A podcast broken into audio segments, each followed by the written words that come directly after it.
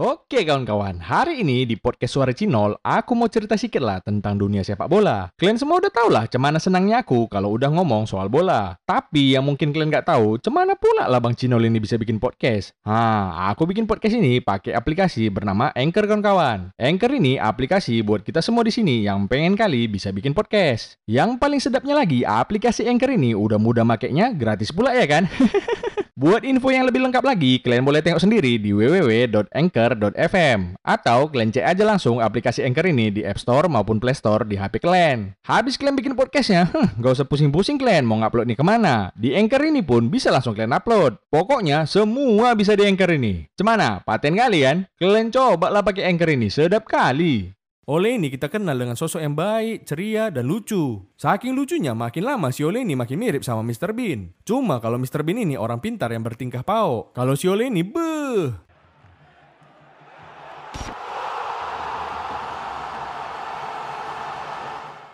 Ole kawan-kawan, ah biawak lah gara-gara melawak si Ole jadi salah peningku. Ulang, ulang, ulang, ulang dulu lewat geng. Oke kawan-kawan, hari ini aku mau cerita sedikit lah tentang Liga Inggris minggu ke-12 dan kita bacoti juga pelatih baru yang memulai debutnya. Alah, kenapa nggak bahas kualifikasi Piala Dunia nol? Hmm, mana sempat keburu main Liga. Lagian gak ada seru-serunya kualifikasi kemarin. Tapi ada tim yang dibantai 10-0 pun masih slow aja orang ini. Beda sama yang merah itu. Baru 0-5 aja udah gak berani orang itu kena matahari. Silau pulanya karena kelamaan di goa. Sekarang udah paham lah kalian ya kan pembantaian itu bukan perkara skornya. Tapi tergantung siapa yang dibantai. Akhirnya ya kan mulai juga liga setelah jeda internasional. Kita mulai dulu bacotan debutnya Safi di Barcelona. Kukira bakal menang besar, tapi ternyata sama aja menang-menangnya pun tipis. Itu pun karena masuk gol penaltinya si Depay. Yang membiawakannya di match ini si angka keramat 28 bertingkah lagi. Udah dapat blunder karena kiper lawan passing ke dia, malah diving pula si biawak ini. Tengok kalian lah, disentuh dikit kakinya langsung ngemis minta penalti. Oh iyalah nol jelas. Selain ngemis penalti bisa membantu poin di klasemen liga, kami juga disuruh ngemis sama orang ini untuk bantu keuangan klub. Endingnya pun Barcelona berhasil membawa 3 poin di kandang sendiri. Debut yang bagus lah buat Safi dan Barcelona. Yang aku salutnya selama 90 menit bertanding cuma 2 menit si Safi duduk-duduk di bench. Selebihnya sibuk dia ngasih instruksi ke pemainnya. Beda kali ya kan sama pelatih di Manchester sana. Udah kebantai pun masih sibuk dia main COC. Tapi aku masih nunggu debutnya si Dani Alves lagi di Barcelona. Sekarang pakai nomor punggung 8 si Biawa ini, padahal dulu dia pakai nomor punggung 2. Eh, tunggu dulu. 28. Diam! Lanjut kita ngebacotin debutnya Steven Gerrard bersama Aston Villa. Tumben-tumbenan gak terpleset singa Aston Villa ini ketemu burung Brighton. Tapi nunggu masuk menit 84 dulu baru bisa dijebol orang ini gawang Brighton. Lewat gol Oli Watkins. 5 menit kemudian giliran si Mings yang cetak gol kedua 2-0 buat Aston Villa. Kalau kita tengok statistiknya Brighton memang menguasai bola 63% berbanding 37 dengan tim tuan rumah Aston Villa. Tapi tetap juga Aston Villa yang bisa bawa 3 poin. Mantap juga kayaknya metode latihan si Gerrard ini ya kan. Emang kau tahu si Gerrard ngasih latihan apa nol? Ya tau lah latihan kuda-kuda. Ngapain pula latihan kuda-kuda orang ini? Emang mau karate? Eh jangan salah kalian, ini buat nguji ketahanan kaki supaya nggak terpleset waktu main. Next kita ke Leicester versus Chelsea. Apa yang mau dibahas dari Chelsea ini? Pertandingan ini pun kayak cuma Chelsea aja yang mau menang. Chelsea menang dengan skor 0-3 di kanan Leicester lewat gol Rudiger, Kante, dan Pulisic. Next, kita lanjut ke... Eh, kok cepet kali nol? Kami sebagai fans Chelsea nggak puas nengoknya. Apalagi mau kalian? Aduh, aduh. Nggak ada enaknya ngebacot di Chelsea sekarang. Werner nggak main, siapa nggak main, menang terus, nggak banyak bacot. Apa lucunya? Hah, membosankan. Makanya kalian mainkanlah siapa sama si Werner itu. Dan yang paling penting, pastikan mereka melucu. Apalagi kalau terpongke, makin besar kemungkinannya masuk konten. Lanjut ke laga Liverpool melawan Arsenal. Ini nih tim kemarin yang minta bayar dipindahkan ke IPL. Langit, jangan pindahkan bayar ke IPL. Kirain udah imbang. Ternyata masih bimbang kami biawa. Eh, biawa, biawa. Kalian sok-sok minta bayar pulanya ke IPL. Jangan kan dipindahkan ke IPL. Dulu di UCL aja Arsenal dibantai Bayern Munchen sampai agregat 10-2. Gak apa-apa lah nol daripada ada tim di Spanyol sana gak hitung main agregat pun udah dibantai 28. Tapi kan weh, kukira bakalan berlanjut rekor tak terkalahkan Arsenal ini. Ternyata malah mengemukan diri pula meriam lapu Arsenal ini. Kalau kata fans Liverpool, The Reds mengamuk, Arsenal menjadi remuk.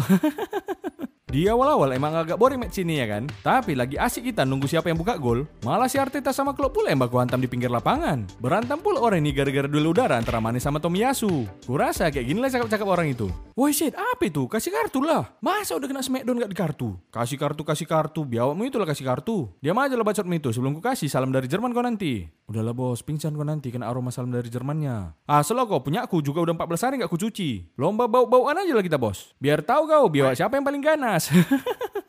Alah bos, bos ukuran senti biawakmu pun sama macam peringkatmu, cuma 5. Hmm, berarti kau 3 senti lah pao. Iya 3 senti memang, tapi biawakku biawak berkepala 3. Datanglah wasitnya, ala bacot kalian ngomong biawak pun kalian di sini. Nah, aku kasih kartu kuning kalian dua, lumayan biar ada uang kantongku. Liverpool membuka keunggulan lewat tendangan bebas Arnold yang di finishing sama si Mane. Habis itu datanglah si Tavares ini melinggarkan diri pula dia dengan umpan pautnya ini. Si Ben White sap ketipu. Si Ramsdale sap ketipu juga. Si Jota pun kurasa ngomong kayak gini. Ih ngapain ya kalian biawak? Ke sini ya bolanya ku gocek, ke sana pula kalian slidingnya. Enak kali lah si Jota ngegolin ke gawang yang udah kosong ya kan. Gol ketiganya lagi, kalian tengok lah si Tavares ini. Udah bagus-bagus dia marking si Salah, malah ikutan pula dia ngejar si Mane. Padahal udah ada si Maitland Niles sama si Ben White yang jaga si Mane. Enak kali lah si Salah nyambar bola dari si Mane. Eh, eh biawa biawa nama Tavares tapi mainnya tak beres.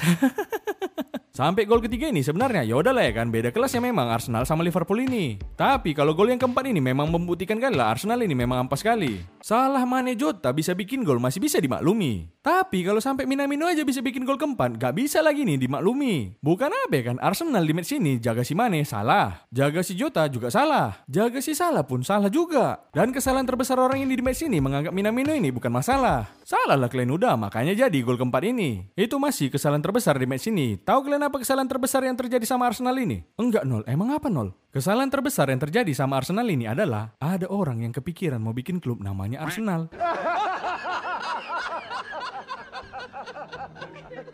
Woi, serius sekali kalian dengar podcastnya. Kalem lah bos, kalem. Sambil half time gini, enaknya kita nyantai sambil ngomongin orang ya kan? Jadi kan weh, aku punya kawan nih. Jago kali bikin podcast. Mau bikin podcast yang macam kalian dengar sekarang ini pun, aku minta tolong ya sama kawanku ini. Namanya Anchor. Kalian pun kalau pengen bikin podcast, minta tolong aja sama dia. Suka-suka hati kalian aja mau bikinnya kayak mana, pasti dibantu sama dia. Di mana pula kami cari kawan kau itu bang? Eh, masalah sepele itu. Kalian buka aja App Store atau Play Store, terus kalian ketik lah A N C H O R Anchor atau kalian ketik aja www.anchor.fm di browser kalian. Nah, habis itu kalian rekamlah suara kalian yang mantap itu. Ngedit sama nguploadnya gimana bang? Gak usah kalian bingung, semua bisa di Anchor ini. Udah gak usah banyak kali cakap kalian, gratisnya aplikasi Anchor ini. Takut kali kalian disuruh bayar. Kalian coba lah aplikasi Anchor ini, beh, macam podcaster sejati. Bangga kali lah mama bapak kalian nanti, betul lah. Memang gak ada obat kali kawanku si Anchor ini, paten kali ya. Next, ke laga Watford melawan Manchester United. aduh, aduh, campur aduk kali perasaanku ini ah. Di satu sisi senang aku karena ada yang terbantai. Di sisi lain sedih juga aku karena nggak ada lagi yang ketawa-ketawa biarpun udah dibantai.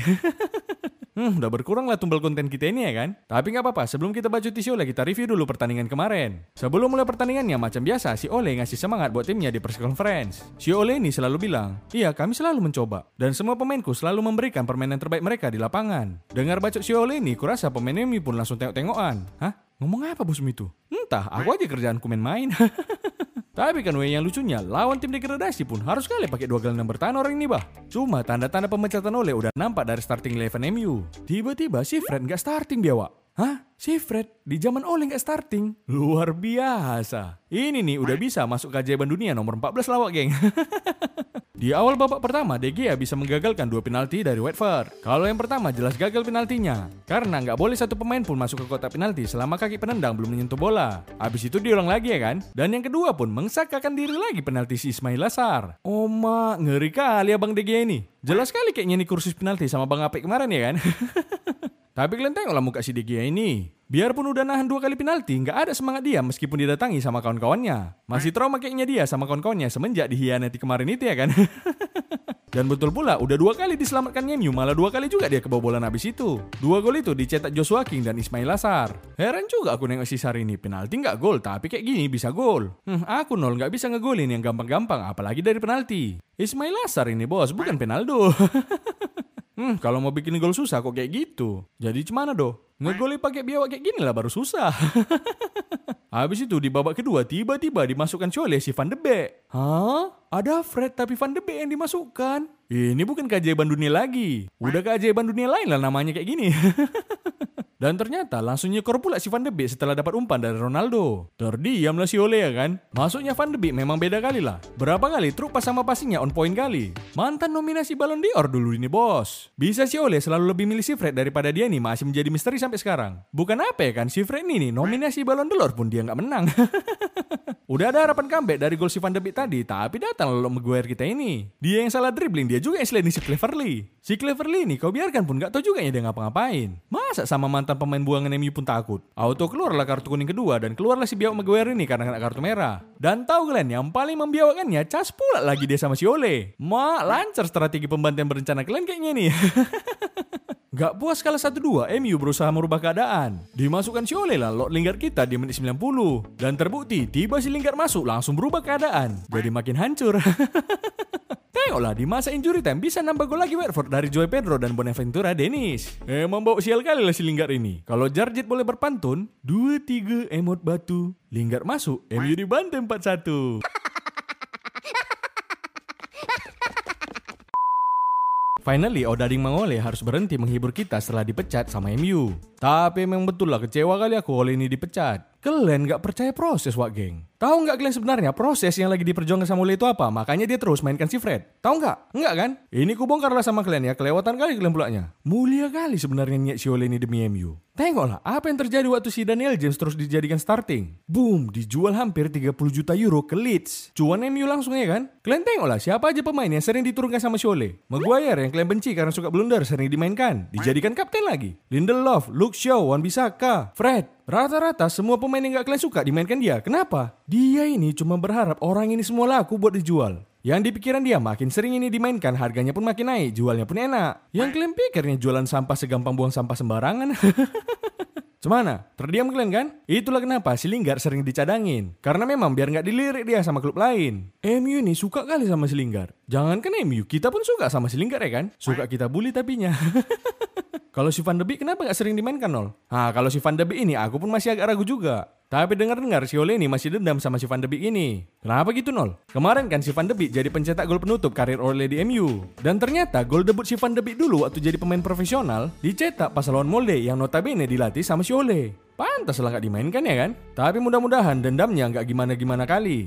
Istri si Van de Beek baru hamil soalnya. Jadi yang bikin istrinya ini hamil maksudmu? Maksudnya jangan dibikin stres si Van de Beek. Kasihan istrinya nanti. Mana mungkin lah aku bilang si Ole ini yang bikin istri Van de Beek ini hamil. Ah udah gila kali kalian. Apa mungkin? Oh iya, aku cuma mau bilang buat semua fans MU di seluruh dunia, egois sekali kalian semua. Kok gitu nol? Iyalah, cuma si Ole inilah yang bisa merebut hati semua fans sepak bola. Kalian tengok loh, fans Watford kemarin nyanyi Oles at the Wheel. Fans Liverpool dan Arsenal nggak ada si Ole di situ pun mereka nyanyi Oles at the Wheel. Satu dunia ini bersatu mendukung manajer kalian. Tapi malah kalian pula yang egois. Sekarang tengoklah hasil perbuatan kalian jadi sedih orang ini semua. Iya nol, memang parah kali fans MU ini semua. Nggak sayang sama Ole. Halah bacot lah kalian semua. Kalau memang sayang orang ini sama si Ole nol, kami doakanlah si Ole ini nanti masuk ke tim orang ini. Mampuslah situ. Oh yaudah nggak apa-apa, nanti kami suruh dia jadi tukang parkir. Tapi memang si Ole ini baik budi kali lah orangnya. Gak layak sebenarnya dia diperlakukan kayak gini. Ole ini kita kenal dengan sosok yang baik, ceria, dan lucu. Saking lucunya makin lama si Ole ini makin mirip sama Mr. Bean. Cuma kalau Mr. Bean ini orang pintar yang bertingkah pau. Kalau si Ole ini beuh, orang pau yang bertingkah seolah-olah pintar. Tapi serius lah, si Ole ini memang kayaknya nggak cocok jadi pelatih. Mungkin karena kurang berkarisma atau kurang kemampuan memimpinnya kali ya. Memang kadang-kadang kedekatan dan canda tawa sama pimpinan bisa berakibat hilangnya respek bawahan ke pimpinannya. Mungkin karakter pelatih MU ini lebih cocok ke model-model yang kayak fansnya juga. Tukang marah-marah dan banyak bacotnya.